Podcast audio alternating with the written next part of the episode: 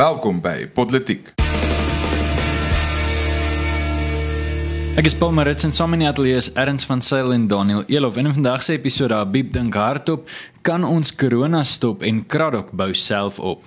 Nou wel, kom ons ontnons is hier bietjie hierdie week se politiek en ons begin daar by jou Paul, jy het 'n storie wat jy oor op. Ja, so die die groot ding is ek wil graag praat oor Adam Habib. Nou Adam Habib uh, was die fisiekanselier van Wits vir 'n lang tyd en uh, oor sy politiek kan 'n mens lank praat. Hy's 'n redelike uh, ou wat bietjie links leun, maar Wat interessant is is in die tyd toe ek uh, op die studentraad was in Potchefstroom, was hy die fisiekanselier uh, by Wits en hy was soort van die voorsitter van die fisiekanseliers in daai stadium.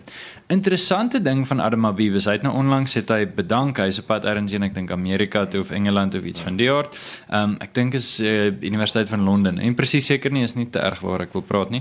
Um, wat ek oor wil praat is wat hy gesê het in antwoord op hierdie studente lenings en dit was die mees interessante.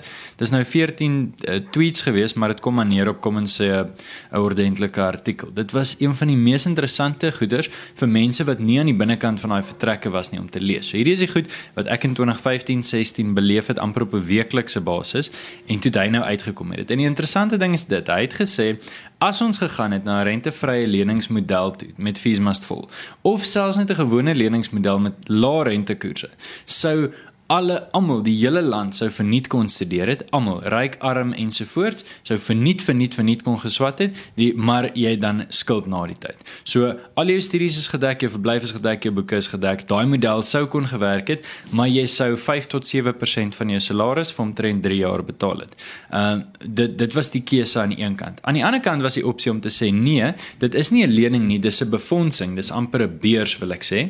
Ehm uh, maar dit gaan dan net geldig wees uh, vir hulle wat se uh, ouers se kollektiewe inkomste het van minder as 600 000 en natuurlik was dit minder geld beskikbaar as hulle gedink het so daai fakte wat dit beteken dat mense wat se ouers se kollektiewe inkomste van minder as 350 000 het uh hierdie voordeel sou kry. Jou groot probleem hier is wat hulle noem die missing middle. Kan jy jouself indink jou ouers verdien gesamentlik 450, ek sê 480 000 rand. Dis 40 000 rand 'n maand tussen hulle twee.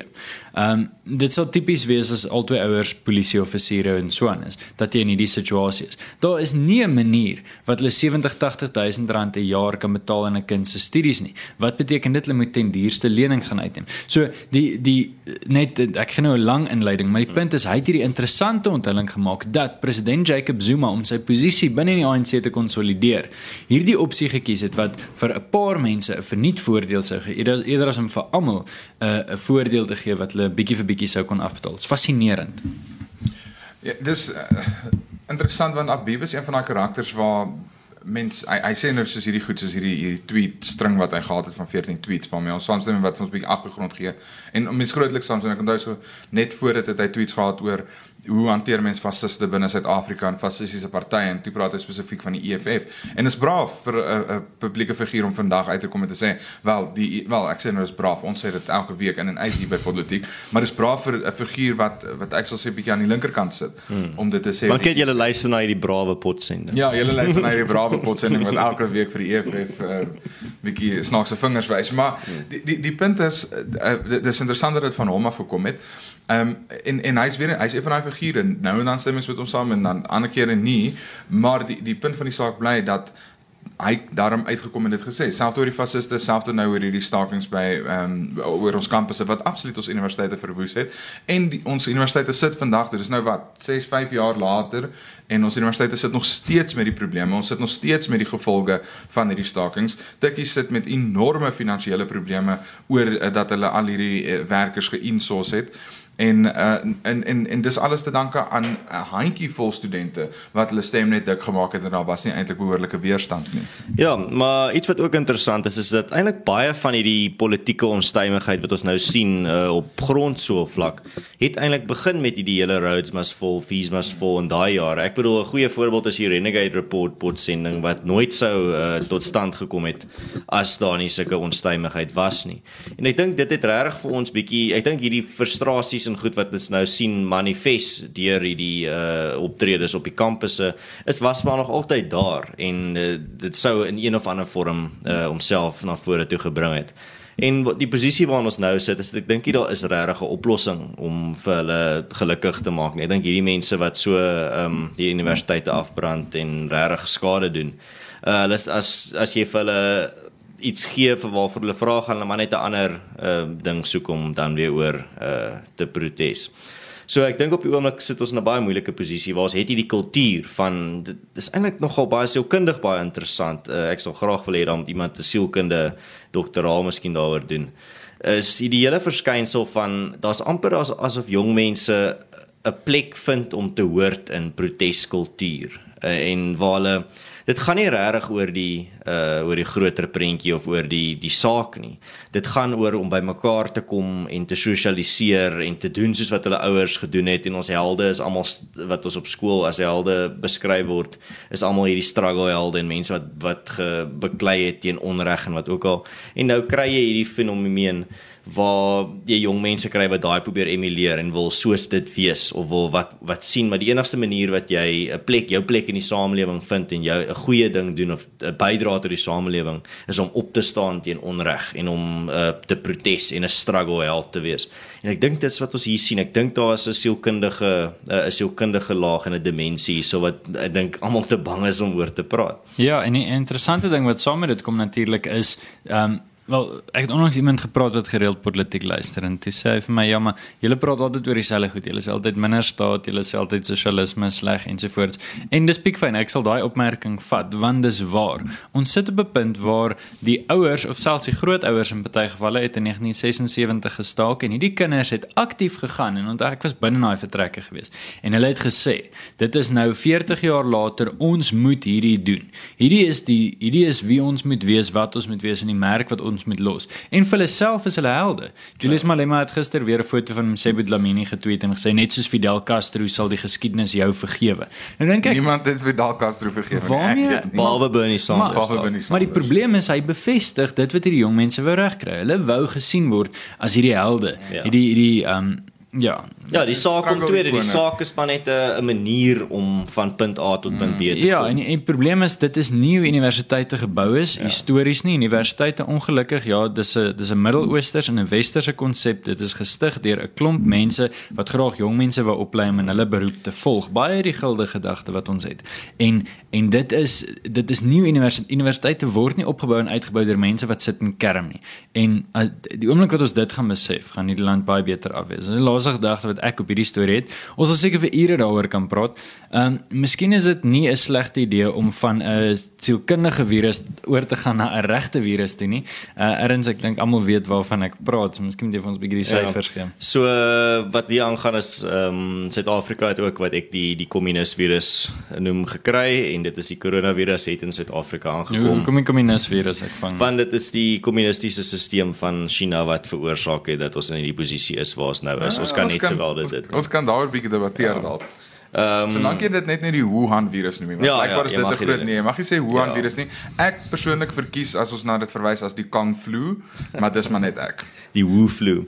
So waar ons nou sit, dit sê wat kom ons kyk eens aan die groter prentjie in die wêreld is daar op die oomblik uh, 114000 gevalle van die koronavirus en daar is 4000 mense al dood en dan in Suid-Afrika nou uh, ons het nou onlangs ons eerste geval gekry en ons is nou by sewe gevalle. Maar wat belangrik is is dat hierdie sewe gevalle is almal uit 'n baie klein spesifieke groep mense.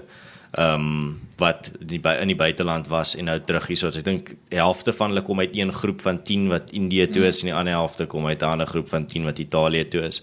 So daar was nog nie 'n uh, uh, ons eerste persoon tot persoon uh, oordrag van die siekte in Suid-Afrika nie wat 'n uh, baie belangrike punt is. Baie interessant was Boris Johnson wat 'n video gemaak het wat mense woedend gemaak het wat gesê het ja Een van die teorieë wat 'n mens kan hê is dat hierdie virus moet nou maar stelselmatig deur die bevolking gaan en ons moet dit hanteer. Hulle is nou op punt in Brittanje, dit was uh, op die radio gewees hierdie week dat hulle 3.500 pond sal gee vir iemand wat vir 2 weke die koronavirus uh, sal kry en vir 2 weke in isolasie sal sit. Ek dink ek solank al vinnige internet is, jy weet, kom ons gesels hier. Ek kan doen met 3.500 pond.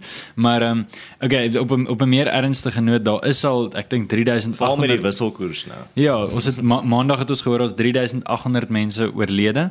Ehm um, ons weet dat die ehm um, daar's wat ietsie soos uh, ek ek sukkel nou presies weet hoeveel mense al die infeksie het. Uh, wêreldwyd. Ek dink dis by die 100 114.000. is 114. Ek Ja. in elk geval so 114000. Dit is natuurlik 'n 'n ernstige probleem. In baie gevalle sal mense se immuunstelsel sterk genoeg wees om dit te oorwin, maar die ouer en die heel jonger mense is kwesbaar vir hierdie storie. Ehm um, en natuurlik wat dit doen aan wêreldreis en wat dit doen aan die wêreldekonomie is eintlik die groot storie. Ehm um, jy weet hierdie perfekte storm wat ons het ons dan 'n bietjie oor die olie storie praat, maar dit het regtig 'n impak op ons ekonomie en 'n klomp mense is besig om ten minste tydelik, ons hoop nie is lanktermyn nie, maar tydelik 'n klomp geld te verloor. Die die interessante ander gesprek is natuurlik is mense besig om valse paniek te saai. Is is hierdie regtig so groot 'n probleem of is is ons besig om dit buite proporsie te plaas want daar's daar's so baie dimensies soos met enige storie aan aan hierdie storie ook want die media veral as ons kyk na die oorsese media en spesifiek die Amerikaanse media. Hulle is besig om te sê dit is hierdie groot krisis en die die regering, met ander woorde Donald Trump uh, se federale regering is nie besig om hierdie reg te hanteer nie. Hulle spot en en uh, wys vingers en sê hoe Mike Pence nie die regte persoon is om hierdie krisis te hanteer nie. So so die die die indruk wat mense skryf in die Amerikaanse media is dat hierdie is 'n groot enorme krisis. Dan sal natuurlik talle ander organisasies wat sê nee, natuurlik is dit 'n ernstige probleem, maar dis nie hierdie krisis wat uh, uh die media noodwendig probeer uitmaak nie. Die Wêreldgesondheidsorganisasie het gevra vir kalmte dat mense nie ooreageer nie. Ehm um, die Wêreldgesondheidsorganisasie het self gesê dat daar hoef nie eintlik 'n uh, reisbeperkings te wees nie. Dat en ek praat nie nou van ehm um, die kos wat mense eet nie, maar eintlik 'n heen en weer reis van land tot land gaan. Uh, hulle het gesê dit help nie om reisbeperkings in te staan nie. Mense moet net aangaan soos wat hulle normaalweg aangaan, maar natuurlik weet ons dis nie die waarheid nie. Die waarheid op die oomblik is mense is nie besig om te vlieg, vlieg nie. Mense is besig om hulle hulle ehm um, vakansies te kanselleer en alles.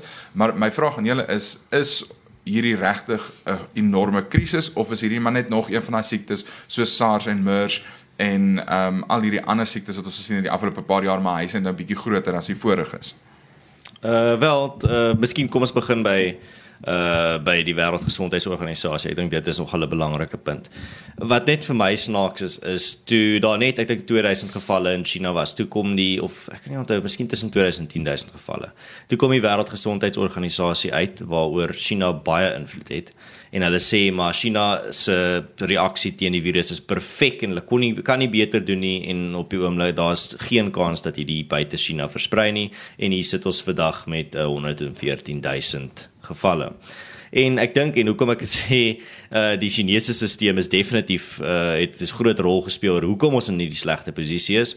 Um hulle het vir 2 weke was daar al klaar gevalle in China en hulle het nie vir die wêreldgemeenskap laat weet nie en eintlik vir hulle eie mense laat weet nie want dit sou hulle regering laat swak lyk. Dit sou die regering se naam uh sleg of uh vuil gesmeer het. En dit is op die ou end 'n groot rede hoekom ons sit waar ons vandag sit is daar weens daai eerste paar weke waar mense sê dit is ons daar kon dit nog um, beheer gewees het en en effektief gekwarantyne gewees het, maar toe dit eers versprei het na ander provinsies van China toe en na die res van die wêreld toe, toe is dit eintlik al amper te laat.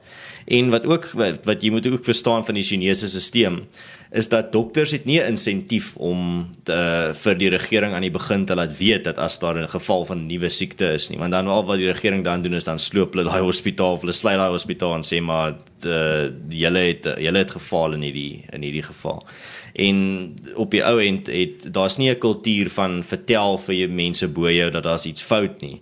Ehm um, jy bly eerder stil. Ehm um, of anders dan gebeur daar iets sleg met jou. Uh nou ja, wat natuurlik interessant is rondom uh rondom die hele storie is wat dit wat die impak daarvan is um, op op die groter skaal. Ehm uh, dit sal baie sleg wees as ons sien dat die Olimpiese spele byvoorbeeld uitgestel word. Dit dit is baie sleg om te sien hoe Juventus en Inter Milan die die Derby Alitalia, ek weet nie wat noem hulle dit presies nie. Dit speel voor leë stadions. Natuurlik verstaan 'n mens dit. Ehm um, maar ek dink definitief daar is op hierdie stadium 'n klein bietjie paniek wat gesaai word en in terme van Daniel die vraag wat jy gehad het oor hoe mense op Mike Pence gaan reageer Ek dink ons het in die laaste 5 jaar duidelik gesien dat as die demokrate 'n storie kan bring, dan gaan hulle. So ek verwag absolute malligheid. Ek verwag ehm um, bekendes en akteurs en sangers om uit te kom en te sê hierdie is eintlik Trump se skuld. Trump het eintlik die koronavirus ontwikkel in die White House. Dis eintlik tegnies maar 100% op hom. So laaste gedagte van my of op hierdie is ek dink moenie die ding mis dat politici altyd uh, dat politici nooit 'n goeie storie sal vermors nie. 'n Goeie geleentheid om te polariseer en en dis volle stemme gaan kry by einde. Vir my vir die rede net hoekom ek vra, in 2009 het ons mos die verskriklike varkgriep epidemie gehad. Daar was honderde miljoene mense siek. Ek dink amper 60 miljoen mense, amper 80 miljoen mense. Nee, ek sê 800, dit was 600 en 800 miljoen mense wat deur die virus aangesteek is. Daar was omtrent so kwart miljoen van hulle oorlede en dit was in 2009 met ander woorde Obama se tweede jaar as as president in Amerika. Daar was nie 'n aandelebeurs uh tuimeling wat plaasgevind het nie. Daar was nie ehm um, al hierdie paniek wat gesaai is deur die media nie en oliepryse het gestyg. So dit dis net vir interessant hoekom nou 11 jaar later wanneer dit uh, ook 'n hmm. siekte is 'n virus is, is die media nie besig om verantwoordelik daarmee om te gaan soos wat hulle het letterlik net 11 jaar terug nie. En vir my kan dit net weens een rede wees en dit is eenvoudig oor dit Donald Trump is. Dis verkiesingsjaar uh hulle moet soveel as moontlik paniek saai want 'n klomp mense, klomp kommentators links en regs het in die opbou tot hierdie verkiesing gesê daar's omtrent net een ding wat kan keer dat Donald Trump herverkies word as president en dis wanneer daar 'n groot ekonomiese resessie in die VS plaasvind en ek dink hulle is besig om dit te probeer kunsmatig te kweek. Ja, nee, dis 'n baie interessante punt daar. Miskien net 'n laaste punt van my kant af.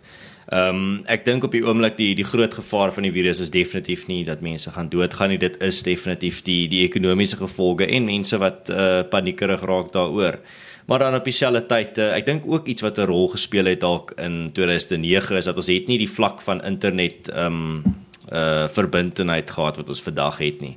Vandag het ons sosiale media waar mense hulle eie teorieë en uh paniekerige stories wat ook al kan deel en eintlik mekaar kan opwerk tot by 'n punt waar hulle in 'n absolute paniek is. En ek dink dit speel ook 'n groot rol met wat ons vandag sien. En uh ek dink die media of enigiemand wat sal wil uh, ek dink die media se hele besigheidsmodel, ehm um, hulle hulle besigheidsmodel en uit soos wat ons in die moderne wêreld gesien het, hang af van hulle moet stories hulle moet stories publiseer wat wat panie wat mense paniekerig maak, groot storie, goeters opblaas groter as wat dit is. Ek bedoel jy kan maar kyk kom ons vat sommer vir Amerika as 'n voorbeeld die hele ehm um, impeachment ding wat uh ook op die ou end niks uh, uitgedraai het die die hele um, Rusland het Amerika se uh, verkiesing gesteel ding wat ook tot niks uitgedraai het nie. En jy sien dit in Suid-Afrika ook. Uh, en daar's talle voorbeelde daarvan waar dit ons het nou eintlik ongelukkig in hierdie in 'n era in beweeg waar die hoofstroom media baie meer soos tabloids optree as waghonde en eintlik nie verantwoordelik is in terme van uh, mense kalm hou nie, maar eerder eintlik die paniek sal wil hê sodat meer mense koerante koop om te sien maar wat gaan vandag aan in uh, met hierdie pandemie. Net 'n laaste interessante stukkie nuus. Ek het gesien dat Daniel Radcliffe is gister gediagnoseer met koronavirus. Ehm um, so vir almal wat aanhangers is van Daniel Radcliffe, julle gedagtes en gebeure moet uitgaan aan hom en ons sal nou sien hoe dit natuurlik gebruik word deur hierdie einste media. Ehm um, dis nou 'n hoë geval vir 'n hoë figuur. Ek voel as jy niets gaan sê van hy gaan dit wegtoer nie, gaan jy 'n geleentheid mis. Hy gaan dit nie kan wegdoen nie. Dis 'n storie, Paulus. Ja, okay. In elk geval so uh natuurlik as ons 'n bietjie uh dis amper lekker was dit 'n blinkkant bo wat 'n storie vandag is. Daniel Radcliffe wat koronavirus het, nee. is nie 'n blinkkant bo nie, Paulus. Ons gaan aan na die volgende storie toe ek is al kyk. Dit is Twilight gelees nie Harry Potter. Uh, so vandat ons politiek baie vroeg begin opneem het, het ons grappies baie uh vlamskerp geword sien ek. Uh goed. Ons het natuurlik weet ons uh, dat ons eintlik lankal gemeenskappe moet self doen. Om ophou wag vir hierdie ridder op 'n wit perd om te kom en jy weet te help. En die dorpie van Kraddock lyk like dit my Daniel is besig om te luister na jou wat al vir 2 jaar vir hulle sê doen dit self. Ek het uh, interessant genoeg in Desember toe toe ry ek en my vrou deur Kraddock en toe ons lekker daar by die steers gestop en sonder laat uitklim en Toe ek so na die dorpie geloop, wonder ek wat het gebeur tussen hierdie Desember en die vorige Desember wat ek in Kraddock was die die strate is geverf, daar's straatborde op, daar's pragtige tuintjies by die verkeerssirkels en die dorpie lyk oor die algemeen redelik skoon en ek was nogals verbaas en ek dink kyk wel kyk net wat het hier gebeur. Eh, ek het my eerste gedagte was die munisipaliteit eintlik besig om uh, kom ons sê kwart 'n uh, uh, goeie werk te doen. En ehm um, dit dit was my opvallend en ek het net verder aangegaan met ons Desember vakansie en toe hierdie week het ek 'n artikel gekry in die Country Life tydskrif waar hulle beskryf wat in Kraddock hierdie afgelope jaar gebeur het. En dis eintlik verskriklik interessant en dis presies daai daai luisteraar Paulus het gesê ons praat net heeltyd oor ehm um, minder staat, minder belasting en al daai tipe goed. Hierdie is die die teenkant daarvan is nie net minder staat, minder belasting nie, dis minder staat, meer gemeenskapsbetrokkenheid, meer self doen. Minder belasting, meer liefdadigheid, meer jou geld gebruik in hand uh, jou jou verstand jou eie geld gebruik om 'n stad of 'n dorp of 'n gemeenskap beter te maak. Hierdie is die die teenkant van daai muntstuk. En en wat presies gebeur het is talle van die inwoners van Kraddock het net eenvoudig besluit hierdie munisipaliteit is heeltemal onbekwaam. Hulle doen niks nie. Hulle belastinggeld word gemors en hulle het begin om eerder van die geld saam te pool en hulle het 'n gemeenskapsinisiatief begin en hulle toe begin self doen. Selfstraatname vervang, nou nie die name heeltemal verander nie om die bordjies te vervang. Hulle het die paaie begin verf, hulle het tuintjies op die verkeerssirkels begin maak, hulle het gesorg dat die stad mooi skoon bly. Hulle het die waterkanale in die dorp Kraddock natuurlik 'n groot landboudorp uh met 'n groot landbou skool daar. Hulle het begin om die kanale, die die voerkanale ehm um, skoon te maak. Alles goed wat die munisipaliteit veronderstel was om die afgelope 20 jaar te doen, maar eenvoudig nie gedoen het nie. En die gemeenskap het besluit om dit self te doen en nou gaan dit beter daar. En ek dink dis 'n wonderlike inisiatief en is 'n voorbeeld vir die res van die land, veral in ons platteland. Ehm um, dis 'n ander uitdaging in groot stede in byvoorbeeld in die middel van Pretoria of in Hatfield of in Sandton of waar ook al. Maar in ons klein dorpies wat regtig besig is om swaar tye te beleef waar mense besig is om uit die dorpies uit te stroom na die stede toe, is dit goed om te sien waar hierdie gemeenskappe ehm um, regtig inisiatief neem, die dorpie opbou en hopelik weer bietjie maatskappye belegging en mense kan teruglok na daardie dorpies toe, soos wat ons gesien het in Kraddock. Hmm. En ja, dit is maar net nou nog 'n mooi storie wat weer wys, maar daar daar sit iets tog in minder staat. Want op die ou end van die dag, as jy kyk, kom ons vat die storie van Suid-Afrika, iets wat al ons luisteraars baie goed ken. In die afgelope 25 jaar het ons nog net al ons probleme op opgelos met meer staat. Mm. Ek kan nie dink aan 'n ander plek. Probeer, probeer ja, oplos. Probeer oplos. Ja. Ek kan nie dink aan enige voorbeeld van 'n plek waar die regering vrywillig minder staat uh, uh probeer het nie al die plekke waar die staat onttrek het of waar minder staat probeer is, is omdat die regering geforseer was, uh nie omdat hulle vrywillig dit probeer het nie. En ek dink hierso is maar net weer 'n voorbeeld van ek het aan die begin van die jaar dink ek of aan die einde van laas jaar gesê 2020 gaan die jaar van self doen wees waar mense minder gaan begin staat maak op die staat en meer gaan begin uh staat maak op hulle self en op hulle gemeenskap. En ek dink dis wat ons hier sien. Ek dink mense begin agterkom maar Jesus, as ons net saamwerk kan ons eintlik baie ongelooflike goed regkry. En dit is wat dis hoe ons vir die meerderheid van ons geskiedenis as 'n as me, is die mensdom geleef het, is waar jy na jou eie gemeenskap kyk. Daar was nooit hierdie groot staat op wie jy kon staat maak om om alle al jou probleme vir jou op te los en of jou jou pa en jou ma te speel vir jou in die gemeenskap nie. En ek dink dit is wat wat ons hier sien is mense is regtig dan net siek en sat vir die feit dat die groot staat waarvoor hulle duisende rande betaal elke maand nie enigiets doen om hulle probleme op te los nie. Daar is amper nie eens 'n poging nie. En daarom is hulle besig om dit in hulle eie hande in te neem. En ons sien dit al hoe meer op alle terreine of dit nou van veiligheid tot uh, gemeenskapsorganisasie tot skoonmaak tot elektrisiteit tot water. Elkeen van hierdie terreine is mense besig om meer uh, in hulle eie hande hulle hulle probleemoplossing te neem en minder op die staat staat te maak en ek dink dis 'n wonderlike ding. Ek dink is iets wat dalk in soos wat meer mense dit begin doen eintlik die die oplossing vir Suid-Afrika kan wees en regtig 'n positiewe verskil kan maak in ons samelewings. So hoor dit sê en ek dink in terme van sekuriteit is ons eintlik al reeds daar. Ek bedoel as jy 'n sekuriteit moontlikheid by jou huis het, jy gaan nie die polisie bel nie. Ek kan nie dink aan 'n Suid-Afrikaner wat die polisie gaan bel nie. Jy gaan 'n sekuriteitsmaatskappy bel. So daar het ons redelik ver gekom. Wat wel redelik ehm um, wat wel 'n volgende stap in die hele storie is is goed soos basiese dienste. Ehm um, en en wat ek dink ons bietjie tekort aan het en ek wil eintlik meningsskrywers uitnooi en mense wat besig is met doktorale studie en so aan. Ons kort meer antwoorde oor self doen.